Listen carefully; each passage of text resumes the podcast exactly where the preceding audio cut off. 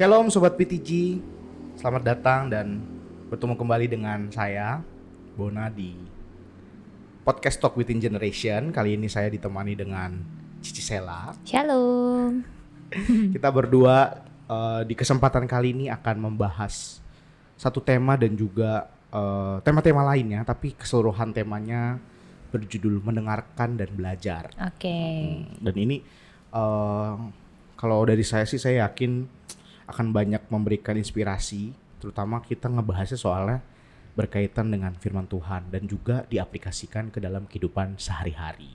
Nah ngomongin soal mendengarkan dan belajar nih Ci, kita pasti di hari-hari Senin sampai Jumat atau bahkan Senin sampai Sabtu nih, terlepas di hari Minggu kan kita beribadah, kita mendengarkan firman Tuhan gitu. Tapi di Senin sampai Sabtu kita pasti banyak banget menerima informasi, mendengarkan berbagai informasi, eh, nggak cuma informasi juga pengetahuan. Hmm. Sebenarnya kayak eh, kalau dipikir-pikir semuanya itu penting gak sih Ji? Dan apa aja yang seharusnya kita perlu atau penting untuk dengarkan dan apa yang mungkin nggak perlu gitu supaya dari ketika kita mendengarkan ya pasti kan kita belajar gitu. Mm-mm. Oke. Jadi kalau apa yang didengarkan, kalau tadi Bona bilang di hari Minggu kita mendengarkan firman Tuhan. Dan kita bersyukurnya di hari-hari seperti ini ketika di masa pandemi, kita masih diberikan kesempatan untuk mendengarkan firman Tuhan baik secara online atau melalui sharing-sharing bacaan yang sering di broadcast di grup gitu ya. Nah, kalau di hari-hari lain selain hari Minggu, sebenarnya dari uh, pembicaraan kita bersama dengan orang-orang di sekeliling kita, bareng teman-teman atau mungkin bareng keluarga rohani, kakak-kakak, adik-adik, itu banyak banget pelajaran yang bisa kita dapat. Misalnya, kita curhat sama kakak-kakak gitu ya, curhat mengenai pekerjaan, mengenai teman-teman. Seringkali kan kita dapat nasehat-nasehat yang walaupun mereka nggak sebut gitu ya dari firman Tuhan, dari ayat mana, di mana, tapi sering kali nasehat-nasehat yang kita dapat itu kan ya asalnya balik lagi ke firman Tuhan gitu ya. Iya. Dan nasehat-nasehat itu yang bisa memberikan insight baru buat kita. Oh ya bener juga ya, sebenarnya kan kita sering dengar tentang ini di firman Tuhan. Kok nggak kepikiran ya? Atau bahkan kadang dari adik-adik yang justru cerita curhat sama kita, kadang kita justru jadi ingat lagi, oh iya bener juga ya, bahwa menghadapi hal-hal yang kelihatannya kecil tapi ternyata nilai-nilai firman Tuhan itu harus diterapkan. Nah, makanya bersyukurnya adalah di masa-masa ini kan kita jarang nih ketemu sama keluarga rohani kita. Biasanya bisa satu minggu dua tiga kali ketemu. Iya. Nah bersyukur ya dengan adanya podcast ini pada akhirnya kita bisa ketemu lagi sama pembimbing rohani kita, sama keluarga rohani kita dan bahas banyak tema yang sebenarnya sih gak berat-berat banget ya sebenarnya tema yang kita alami sehari-hari dan kita bisa banyak belajar dari situ. Nah kalau dari Bona sendiri nih kan dari podcast ini kita udah belajar banyak nih Bona. Mulai dari kebaikan Tuhan, tentang nurturing, tentang relationship dan sebagainya. Tema mana sih yang menurut Bona tuh paling kena gitu? Kalau tema yang paling kena sebenarnya semuanya kena ya dari kita punya podcast eh, waktu saya dengerin itu kena banget semuanya. Tapi ada satu insight yang bisa jadi bekal nih, terutama dari eh, saya kan pria gitu. Saya dengerin waktu itu Successful Woman. Hmm. Itu menurut saya insightful banget. Maksudnya kalau saya ke depannya saya membangun suatu rumah tangga gitu bersama pasangan saya yang pastinya adalah wanita atau saya mendidik anak saya gitu Hmm. jadi pribadi eh, anak saya misalnya yang eh, seorang wanita gitu seorang perempuan kayaknya itu jadi sesuatu yang perlu dipegang banget waktu itu Bu Ana bilang di Successful Woman peran wanita itu eh, sangat luas Hmm. ada tiga aspek dan itu sangat luas banget artinya wanita tuh punya peran yang sangat penting Mm-mm. dan juga perannya itu benar-benar eh, penting dan eh, menyeluruh ke berbagai aspek. Mm-mm. Ada aspek keluarga di gereja dan juga di masyarakat gitu. Hmm. Dan itu benar-benar eh, insightful banget karena di situ Bu Ana bilang hmm, kenapa nggak cuma peran wanita tuh nggak cuma di keluarga aja, tapi bisa di gereja dan juga di masyarakat karena eh, saya ngerasain sih, maksudnya ketika misalnya di gereja atau di masyarakat gitu, kalau misalnya nggak ada wanita tuh kayak nggak seimbang gitu. Woi. Oh, dan di situ Bu Ana bilang kita tuh sebagai wanita tuh kita harusnya menjadi penolong, harusnya Hmm. menjadi penopang. Dan itu saya maknai eh iya bener juga ya. Mm-mm. Wanita tuh harus jadi penyeimbang gitu kan. Gak enak kalau misalnya eh, contohnya di masyarakat ketemu bapak-bapak yang galak, tapi kan kalau ngomong sama ibu-ibu kan kayaknya lebih penuh kasih gitu. Jadi akhirnya Mm-mm. ya itu jadi seimbang gitu, jadi balance dan itu hmm, ya itu jadi suatu apa ya? Bu Ana di situ bilang kan bahwa wanita tuh harus jadi penyeimbang dan eh entah itu mau jadi full time mom nantinya Mm-mm. dan juga atau jadi wanita karir ya wanita juga penting harus tahu panggilannya. Oh, oke. Nah itu jadi kayak wah iya bener juga ya nanti eh ya ke depannya harus maksudnya bisa mendidik nanti ke depan Hmm. ini saya udah punya visi ke depannya keluarga nih punya anak misalnya yang wanita ya dia harus tahu panggilannya gitu Hmm. biar sesuai dengan firman Tuhan mampu jadi penyolong mampu menjadi penopang dan mampu menyeimbangkan Hmm, Oke. Hmm. Jadi ternyata si successful woman ini bukan cuma memberikan insight baru buat kita yang perempuan, Mm-mm. tapi dari, ternyata dari sisi laki-laki pun ada sesuatu yang dipelajari. Betul, betul. Kalau dari. Cisela sendiri gimana, Ci? Dari mungkin yang episode-episode kita nih. Gini sih, ada satu hal yang aku takjub sebenarnya gini. Eh, tema ini dan kerangka topiknya kan kita buat jauh-jauh hari gitu ya. Mm-mm. Dan ketika kita hubungi pembicara yang satu dengan pembicara yang lain kan gak ada kaitannya. Betul, Cuma ada beberapa poin yang kalau kita dengarkan itu poinnya berulang di beberapa tema. betul. Misalnya adalah di kebaikan Tuhan, di mengiring Tuhan, dan di Mm-mm. relationship gitu ya. Hmm. Bahkan di regenerasi yang baru aja kemarin juga dibahas lagi bahwa gini, eh, hidup kita ini, hubungan kita dengan Tuhan ini, itu bisa dibentuk karena ada lingkungan kita, ada Mm. keluarga, ada komunitas, Mm-mm. ada pembimbing rohani. Iya, betul. Tapi balik lagi, semuanya itu kembali ke keputusan pribadi, ke tanggung Mm-mm. jawab kita masing-masing. Mm-mm. Kitanya mau nggak? Mm-mm. Kitanya bersedia nggak? Mm-mm. Jadi ke depannya ketika di masa depan ada sesuatu yang terjadi, baik itu hasilnya baik ataupun ada yang kurang baik, itu kita nggak boleh nyalain siapa-siapa gitu Hmm. ya. Kita nggak bisa bilang bahwa Betul. kenapa sih saya terlahir di keluarga seperti ini Betul. atau kenapa sih saya ada di lingkungan seperti ini. Mm-mm. Karena kembali lagi keputusan kita untuk mengikut Tuhan itu adalah keputusan kita pribadi Mm-mm. gitu ya. Jadi ketika kita dipengaruhi keluarga, lingkungan yang baik, ya kita bersyukur gitu ya Hmm. bahwa kita dapat pertolongan dari Tuhan. Tapi kalaupun kita lahir di keluarga atau lingkungan yang kurang baik, Mm-mm. ya itu balik lagi ke diri kita sendiri. Seperti apa kita mau berkomitmen dengan hidup kita dengan Tuhan, nah seperti itulah akan jadinya kita nanti. Itu Iya. sih Bon yang paling memorable. Iya, berarti tadi kalau ngomongin soal keputusan Mm-mm. sama kayak dengan free will kita masing-masing Iya ya. betul. Nah itu menarik tuh Cik. Ah, saya waktu itu dengar yang tabur tuai, Mm-mm. Kak Abram tuh bilang gini, "Eh, kita kan punya free will ya, Mm-mm. dan setiap free will kita itu harus ditaklukkan di bawah firman Tuhan. Iya betul. Waktu itu Kak Abram ngambil eh, ayat firman Tuhan tuh di Roma 12 ayat 2. Mm. Berubahlah eh, seiring dengan perubahan akal budimu. Mm-mm. Jadi free will kita ditaklukkan di bawah firman Tuhan dan itu kayaknya jadi sesuatu yang penting banget ya Ci ya. Iya Dan betul. juga Kak Denny waktu itu sempat bilang bahwa eh mengiring Tuhan itu bukan cuma semata-mata ngikutin panggilan, Mm-mm. tapi menyerahkan kehidupan supaya kita ya tadi Ci Sela bilang supaya kita nggak menyalahkan Iya. keadaan karena ya mau nyalahin keadaan gimana orang kita yang menyerahkan Mm-mm. kehidupan kita ya Iya betul. sepenuhnya kepada Tuhan ya menyerahkan free will kita di bawah firman Tuhan. Nah itu sih yang ya itu bener-bener insightful juga sih buat saya. Iya, jadi balik lagi ya bahwa Hmm. segala sesuatu yang terjadi itu ya tanggung jawab kita. Mm-mm. Sama ini sih Bon yang paling menurut aku insightful adalah pembicaraan ketika sama Kohiram dan Kaberni Hmm. gitu ya tentang relationship. Hmm. Nah, relationship yang selama ini anak-anak muda tahu itu kan biasanya adalah hubungan antara uh, pria dan wanita gitu ya Hmm. lawan jenis. Mm-mm. Tapi ternyata relationship bersama dengan komunitas, Hmm. bersama dengan bahkan nanti partner bisnis gitu Hmm. ya. Itu pun harus melibatkan Tuhan ya. Mm. Dan itu tadi kita bisa meletakkan free will kita di bawah kehendak Tuhan. Bahkan kalau sampai kita bawa ke hubungan kita dengan sekitar kita, Mm-mm. itu percaya deh pasti pasti segala sesuatu yang berjalan di kehidupan kita akan baik. Karena gini, aku mengalami hal ini sendiri gitu ya. Dari dulu memang satu, aku memang orangnya kan uh, introvert. Jadi memang nggak terlalu suka dengan yang rame-rame gitu ya. Jadi aku memang membatasi pertemananku. Tapi kan kita sendiri tahu kita ada dari alma mater yang sama ya, Bon. Kita tahu lingkungannya seperti apa gitu ya.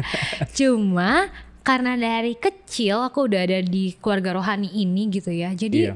aku membatasi bahwa hubungan dengan teman-teman tuh dicari yang sama gitu. Jadi puji Tuhan banget dari dulu tiap kali mau masuk lingkungan yang baru gitu ya. Mau masuk SMP, SMA, kuliah, aku selalu berdoanya adalah Tuhan berikan teman-teman yang baik. Karena dulu masih muda yang ngerti itu doang gitu. Dan Tuhan tuh pertemukan dengan teman-teman di SMP, teman-teman yang sama-sama pelayanan gitu. Bahkan sampai sekarang pun mereka pelayanan gitu. Berarti artinya punya spiritual value ya. Iya betul, ketemu sama teman-teman yang entah gimana caranya di lingkungan kita yang seperti itu bisa ketemu teman-teman yang punya spiritual value yang justru sama gitu Bon. Sampai SMA, sampai kuliah bahkan sekarang di uh, bisnis pun gitu ya. Iya. Bisa ketemu orang-orang yang punya spiritual value yang sama. Dan kalau aku rasa itu bukan satu kebetulan sih. Itu adalah bentuk itu tadi intervensi Tuhan karena kita menyerahkan free will kita di bawah kehendak Tuhan gitu Hmm, sih. Betul.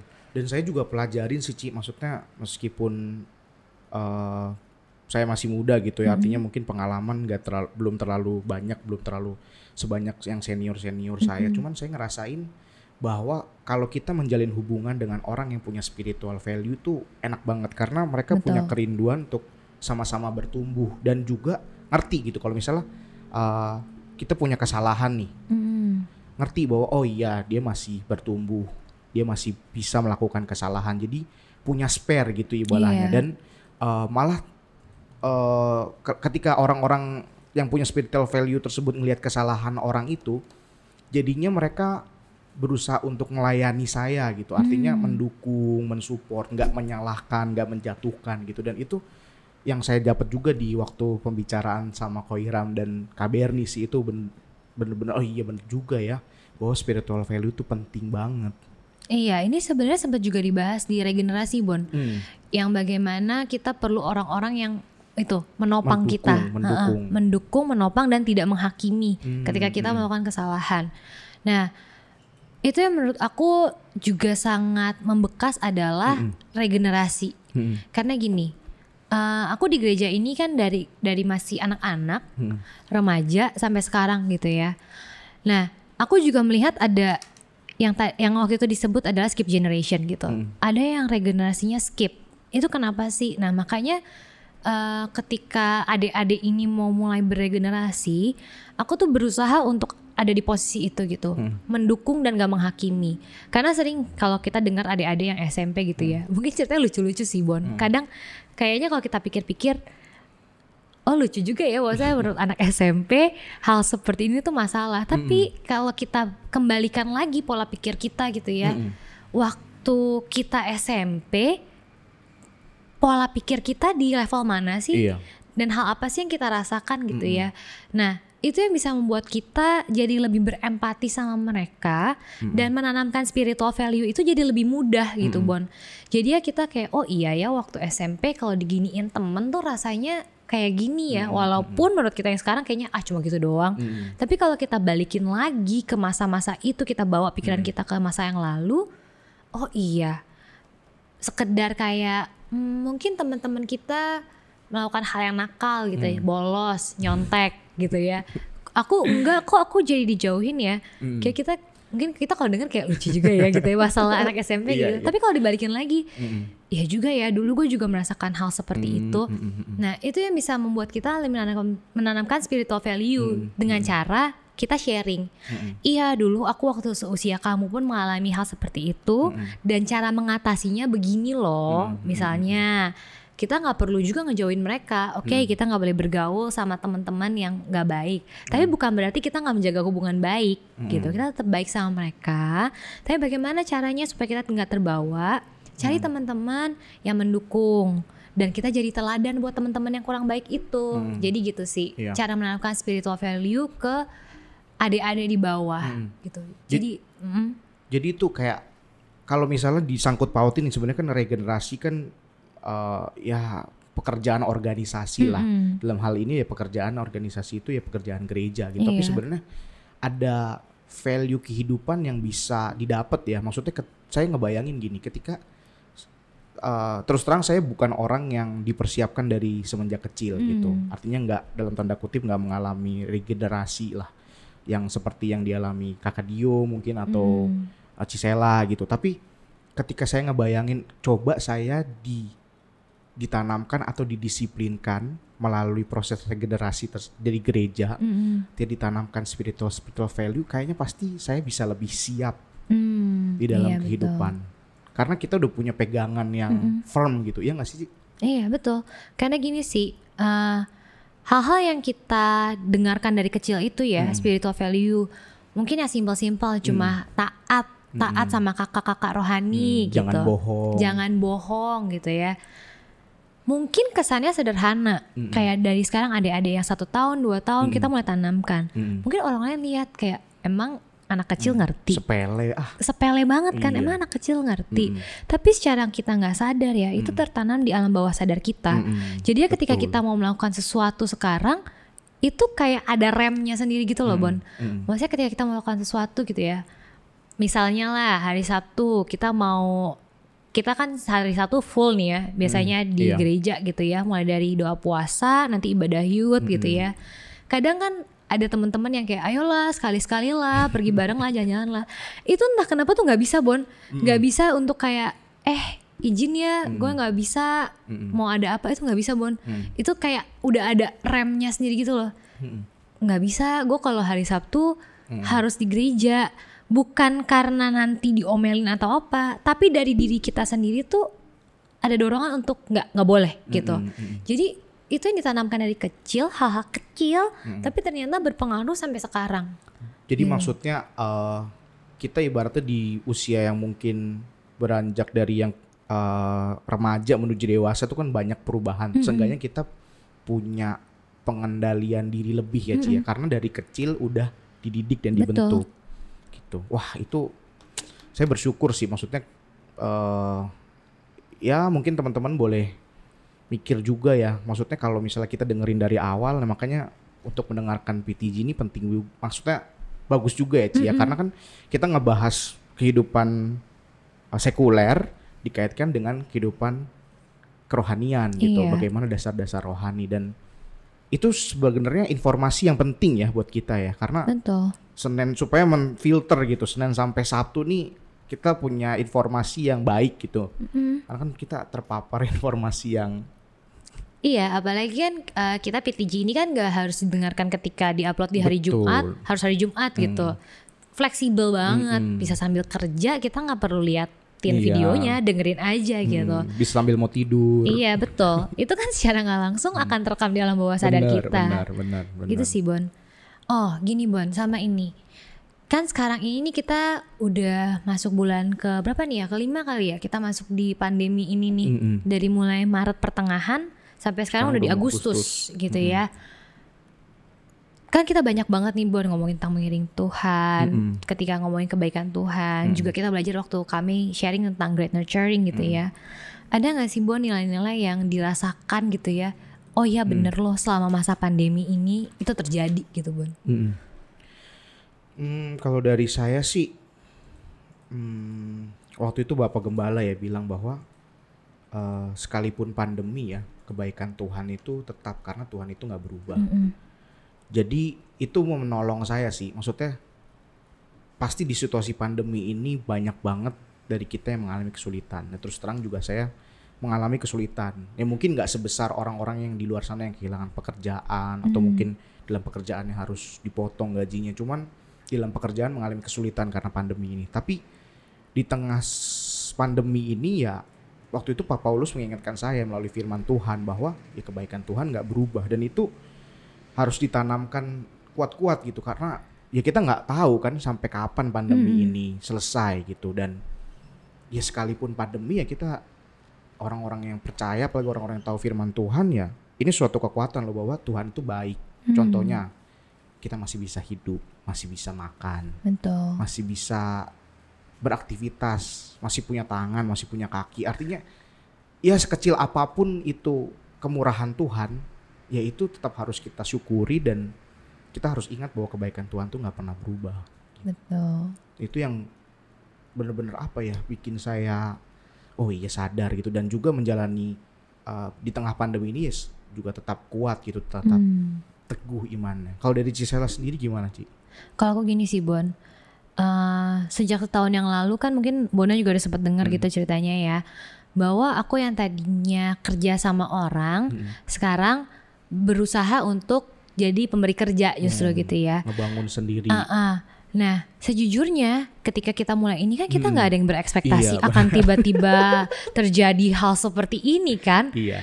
Nah, apalagi bidangnya adalah jasa dan konstruksi, Bon. Mm-mm. Harus ketemu orang. Ketemu orang, terus apalagi kalau konstruksi pembangunan di rumah orang, Bon. Udah bukan lagi di luar, justru ke dalam rumah orang, Bon. Mm. Nah, ketika terjadi hal-hal seperti ini kan pasti orang-orang khawatir gitu ya, Bon. Secara otomatis ini akan pengaruh ke bisnis gitu. Mm. Tapi entah mengapa gitu ya, nggak tahu kenapa. Mungkin ada juga pengaruh dari kan tiap kali teman-teman syuting, aku juga tetap di sini kan mendengarkan gitu ya. Dan apalagi nanti setelah selesai di uh, pos akan dengerin lagi. Mungkin hal ini yang secara nggak langsung tadi menguatkan tanpa kita sadar. Mm-mm. Em, tiga bulan itu kan nggak ada yang masuk bon nggak ada klien yang baru datang bon dan kita berkomitmen saya dan partner itu berkomitmen untuk kita nggak mau stopin orang Mm. dan eh, fee-nya tetap kita bayarkan full Mm-mm. nggak ada Wah, potongan uang makan uang transport itu kita bayar full gitu ya Luar biasa. nah itu kan sebenarnya kalau dipikir-pikir nggak masuk akal Wah, bon nggak iya. ada pemasukan tapi ngasih tetap full gitu kan tapi entah kenapa nggak ada nggak ada rasa khawatir gitu Mm. kayak yakin aja bahwa ini nanti pasti lewat kok Hmm, hmm. tenang aja deh ini pasti lewat kok Hmm. dan puji Tuhan itu terjadi bon Mm. nah ketika kita pelan-pelan masuk ke new normal ini gitu ya di Hmm. bulan Juli Agustus eh bisa tiba-tiba ada aja loh bon Mm. cukup aja gitu Wow, luar Iya. biasa. maksudnya kan itu aneh ya kalau Hmm. kita pikir-pikir aneh banget Iya betul. tapi ternyata bisa mungkin itu tadi karena kita secara nggak langsung kita punya nilai-nilai untuk tetap nggak khawatir Mm-mm. untuk tetap percaya itu yang jadi modal kita untuk justru bener itu akan terjadi Mm. gitu sih Bon Itu itu masuk ke kalau yang saya tangkap ya itu masuk ke pemeliharaan secara rohani dulu nih. yes Karena kita nggak malah mengalami khawatir. Yang waktu itu Kak Mei mention bilang pemeliharaan besar atau great nurturing itu sebenarnya ketika Tuhan Yesus datang. Hmm. yang akhirnya memberikan pemeliharaan secara rohani kan yaitu kita nggak bisa bisa nggak eh, i- bisa nggak merasa khawatir sampai akhirnya ya kita mampu tuh akhirnya ya Citsela dapat klien ya di Tuhan. iya Coba kalau misalnya di dua bulan khawatir mungkin stop. iya seandainya goyang aja di awal-awal itu masa-masa Hmm. PSBB awal-awal itu ya mulai aduh kayaknya udah deh Nggak udah deh kayak gak bisa kayaknya. deh gak bisa nih mungkin beneran selesai kali Hmm, Bon hmm. tapi justru itu tadi karena mungkin pengalaman yang lalu-lalu gitu ya Hmm. dulu Tuhan pernah pelihara Mm-mm. pasti hari ini dan sampai seterusnya Tuhan akan Hmm. pelihara itu sih Bon nilai yang ada entah kenapa tertanam kuat gitu jadi nggak Hmm. khawatir Iya. Dan itu yang pen, maksudnya kalau saya sekali lagi mengingatkan kita ya maksudnya pemeliharaan secara jasmani itu terlebih dahulu dialami atau kita alami sebelumnya adalah pemeliharaan secara rohani ya. betul Wah itu benar-benar yang namanya dengerin firman Tuhan tuh kayaknya penting banget ya Ci ya. Apalagi Iya. firman Tuhan yang secara simpel. Mm-mm. Ya dikaitin dengan kehidupan sehari-hari. Oh sama ini Bon, tadi kan sempat ngebahas tentang pemeliharaan rohani. Mm-mm. Selain dengan firman Tuhan, berdoa penyembahan. Mm. Nah itu Bon, waktu bahas tentang tema penyembahan, kan itu eh, Bona ya yang Mm. jadi MC-nya. Iya. Ada gak sih Bon nilai khusus yang Bona dapat karena pembicaraan itu? Kalau nilai khusus sih eh sebenarnya sih kayak reminder sih Hmm. karena terus terang maksudnya saya kan mengalami kehidupan itu sebelumnya dari kehidupan yang buruk ditransformasi oleh Tuhan jadi kehidupan yang sekarang ini. Ya, saya nggak bilang sekarang baik, tapi setidaknya lebih baik Lebih dibandingkan baik. kehidupan yang dulu itu melalui penyembahan gitu. Melalui saya bersekutu dengan Tuhan, nyanyikan pujian dan eh, dan naikkan pujian dan penyembahan di waktu-waktu pribadi. Sebenarnya itu reminder sih kalau ya sebenarnya the ultimate atau eh, kita tuh salah satu kita punya kewajiban gitu. Ibaratnya kita menyembah Tuhan. Supaya apa? Supaya kita jadi sama dengan apa yang kita sembah. Ya ini ya dalam hal ini ya Tuhan Yesus. Kita sama dengan Tuhan Yesus kita memandang seperti Tuhan Yesus kita berlaku seperti Tuhan Yesus. Dan kita kan sebenarnya dipanggil Mm-mm. orang percaya dipanggil untuk menjadi pengikut Kristus murid Kristus yang meneladani Kristus. Bagaimana caranya ya?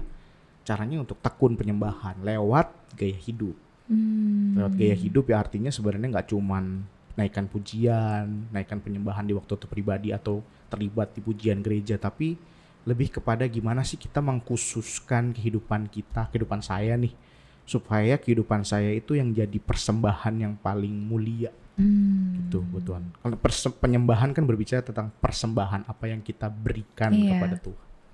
Itu yang jadi eh, reminder kuat gitu ketika eh, episode itu gitu. Kalau dari Cisela gimana? Mm-mm. Kalau aku gini sih Bon, Eh, waktu beberapa tahun yang lalu mungkin ya, ketika masih remaja SMP SMA, sering kali kan kalau kita penyembahan yang ada di pikiran kita adalah ketika waktu penyembahan di gereja gitu ya, ketika kita naikkan pujian, terus masuk ke dalam penyembahan. Nah, ketika masih ada dalam persepsi yang salah itu, sering kali aku merasa gini kayak, ah ini kok nggak ngangkat banget sih, kayak ngangkat ya. ah kalau pemimpin pujiannya yang ini nggak ngangkat nih kalau pemimpin pujian yang itu baru ngangkat. Tapi setelah eh, semakin bertumbuh gitu ya banyak dengar insight-insight dari orang lain dengar firman Tuhan. Bahwa penyembahan itu adalah itu tadi Bon hubungan kita dengan Tuhan. Mm-mm. karena kan dengan siapa kita bergaul akan jadi seperti itulah Mm-mm, kita mm-mm, gitu ya. Eh, kalau aku lebih menerapkan yang gini sih Bon, Eh, bagaimana aku membawa diriku di tengah-tengah orang lain dan orang lain bisa lihat gitu bahwa oh ya orang ini kok beda ya gitu. Outputnya karakter. Betul, outputnya adalah karakter. Oh iya ya, kok orang ini bisa beda ya gitu. Dan bagaimana cara aku memaintain waktu dengan Tuhan? Mungkin kan kita kalau sekarang pagi, malam tuh terbatas ya Bon. Mm-mm. Pagi kita mesti bangun tidur buru-buru berangkat kerja. Pulang Iya. sampai rumah lembur malam capek, Capek. gitu ya. Mm-mm. Nah sering kali aku memaintain waktunya adalah dengan cara gini. Misalnya di perjalanan, nyetir dari rumah sampai kantor. Seringkali mungkin nggak yang nggak mungkin dong lagi nyetir berdoa merem penyembahan angkat pujian gitu. Tapi sering kali cuma kayak yang eh style lagunya yang lagu-lagu penyembahan sambil dalam hati gini, ya ya gila ya kok Tuhan tuh baik banget ya. Mm-mm. Cuma bisa buka mata setiap hari aja tuh, wah itu Tuhan tuh baik banget. Mm-mm. Bisa setiap hari makan, Iya. bisa setiap hari ketemu orang-orang yang baik itu tuh Tuhan baik banget Iya. gitu nah setiap hari tuh berdialog dengan Tuhan ngambil waktu-waktu seperti itu Bon atau misalnya lagi nyetir gitu ya nyetir dari kantor mau ketemu klien gitu Iya. ketemu klien yang baik aja itu kayak langsung wah aduh Tuhan tuh baik banget ya dari sekian banyak orang bisa dipertemukan dengan orang-orang yang baik, Baik. gitu jadi maksudnya memaintain penyembahan dalam hidup kita adalah nggak perlu uh, berjam-jam gitu dalam kamar tapi ketika kita punya waktu-waktu khusus sama Tuhan waktu-waktu yang kayaknya kecil-kecil gitu tapi sering kita memaintain itu itu bisa jadi apa ya itu tadi penguat buat kita sendiri dan kita akan jadi semakin mirip sama dengan siapa kita bergaul. Mm-mm. Balik lagi ujung-ujungnya karakter. iya. Karena karakter itu eh, adalah sesuatu yang bisa kita bagikan ya nggak sih? Maksudnya kita bisa saling memberikan dampak. betul It- eh, atau waktu itu kita bahasnya di satu tema itu kita bisa menabur yang baik. Mm-mm. Jadi eh, bisa menuai yang baik. Kira-kira punya pengalaman nggak sih soal tabur tuai gitu? tabur tua ya Em, gini sih Bon kalau yang aku lihat ya ini ada hubungannya sama regenerasi Hmm, hmm. tabur tua ini sama regenerasi gini anak-anak ini kan adik-adik yang sekarang mulai remaja ini nih aku lihat mereka dari masih kecil kan Mm-mm. mungkin kalau boleh ambil contoh misalnya Brian Mm-mm. gitu ya sekarang kan Brian udah SMP naik kelas 2 aku lihat Brian dari umur 3 tahun Oke. gitu ya maksudnya aku lihat anak-anak ini waktu mereka dari kecil yang aku tabur adalah hal-hal simpel misalnya kalau main sharing ya Mm-mm. bagi sama temennya ya nggak boleh Iya. main sendirian gitu atau misalnya kalau cicinya bilang ini duduk duduk ya gitu Iya. hal-hal yang kayaknya simple kan Bon tapi Hmm. ketika sekarang mereka besar Mm-mm. itu aku baru menuanya adalah ketika mereka bisa mempraktekkan hal yang aku praktekkan dulu Mm-mm. ke adik-adik yang di bawahnya lagi Hmm, gitu. mm-mm, kayaknya kan kecil gitu ya mm-mm. Eh, cuma nilai-nilai apa sih taat sharing Iya, mainan dan lain iya. sebagainya nah ketika mereka besar mereka satu di mereka sendiri mereka praktekkan gitu ya Mm-mm. ketika mereka punya apa mereka kan bagi sama kakak-kakaknya Iya. bagi di antara mereka sendiri terus Mm. itu tadi kalau dibilangin tuh nggak ngeyel Mm-mm. kalau mereka punya masalah apa mereka bisa telepon chat gitu ya cerita ci aku gini gini gini Hmm. dibilangin tuh nggak ngeyel gitu Hmm, kayak oh iya ya oh iya bener ya gitu Iya. Dan sekarang mereka ke adik-adik yang di bawahnya lagi mereka praktekkan lagi bon Mm-mm. gitu maksudnya seorang anak laki-laki Mm-mm. umur 13 tahun kok bisa gitu lembut banget sama adik-adik yang Mm-mm. kecil-kecil itu kan hal yang gak wajar Mm-mm. gitu ya tapi itu tadi tabur tuai yang kita tabur bertahun-tahun yang lalu Mm-mm. kita menuainya sekarang ini sih bon Jadi sebenarnya Cisela juga uh, uh, selain daripada nabur, maksudnya ngajarin si Brian itulah. Sebelumnya Cisela juga melakukan dalam kutip taburan ya ini uh, taat ya sama Mm-mm. sebelum-sebelumnya. Mungkin guru sekolah minggu yang sebelum-sebelumnya bener ya. Iya betul. Mungkin karena itu juga kali ya. Mm-mm. Karena dulu walaupun kayaknya apa sih kan aku nggak seneng kayak gini. Kenapa sih mesti kayak gini? Tapi, tetap karena berusaha. berusaha untuk taat sama kakak-kakak Mm-mm. yang dulu, Mm-mm. menuainya adalah di adik-adik yang sekarang Jadi ini sekarang. jadi taat Mm-mm. gitu. Dan itu juga berkelanjutan ternyata ya. Mm-mm, Proses betul. taburan kita tuh berkesinambungan ternyata ya yang nggak kita sadarin. Dan ini penting banget loh menurut saya. Maksudnya saya baru dapat insight juga oh ternyata sekecil apa pun yang kita tabur misalnya kita teladani Mm-mm. ke adik-adik kita atau kita berusaha taat misalnya itu kan kita juga melakukan sesuatu yang baik kita pasti akan menuai ya Iya betul. Mungkin itu juga yang masuk kemarin di regenerasi kan dikatakan Mm-mm. yang paling penting adalah yang meregenerasi iman. Mm. Nah, jadi sebenarnya meregenerasi iman tuh nggak perlu yang susah-susah kita, wah eh, sering-sering ketemu, buka Alkitab belajar ini, Mm-mm. tapi dari sehari-hari kayak gitu Mm-mm. nilai ketaatan, berbagi. Mm. Nah itu yang akhirnya akan turun terus, turun Mm. terus, turun terus ke ke generasi-generasi selanjutnya, gitu sih Bon. dan yang paling penting kita ngajarin supaya tetap berpegang teguh sama firman Tuhan Yes, karena dari situ yang waktu itu Kohiram bilang manual book Hmm. pedoman yang terbaik betul. wah luar biasa kayak kita udah di akhir penghujung pembicaraan kita nih. Banyak yang udah kita bahas Banyak ya. yang udah kita bahas udah dari mulai tema episode 1 sampai episode yang ke-8 nih semoga ini semua bisa jadi sesuatu yang baik Mm-mm. kita bisa terus uh, belajar untuk mendengarkan Iya. dan mendengarkan untuk belajar dan tentunya mendengarkan hal-hal yang baik firman Tuhan ya Ci ya. Iya, itu dia. Dan nasihat-nasihat dari orang-orang. dan nasihat-nasihat juga dari orang-orang yang lebih tua adalah bentuk kita menghormati ya Nasihat yang baik ya, Bon. Nasihat yang baik. yang baik. nasihat yang baik tentu saja oke sobat PTG eh, tadi kita sudah sampai di penghujung acara Eh, semoga kita bisa tetap eh, acara ini bisa tetap jadi inspirasi dan gak bosan-bosannya eh, kalau kita sih mengencourage teman-teman semua untuk memegang firman Tuhan karena dari situlah pedoman kehidupan kita. Oke, eh, sampai jumpa di episode-episode selanjutnya. Nantikan kita di episode-episode selanjutnya di podcast Talk Within Generation, Perceive Life from Another Perspective. Shalom. Shalom.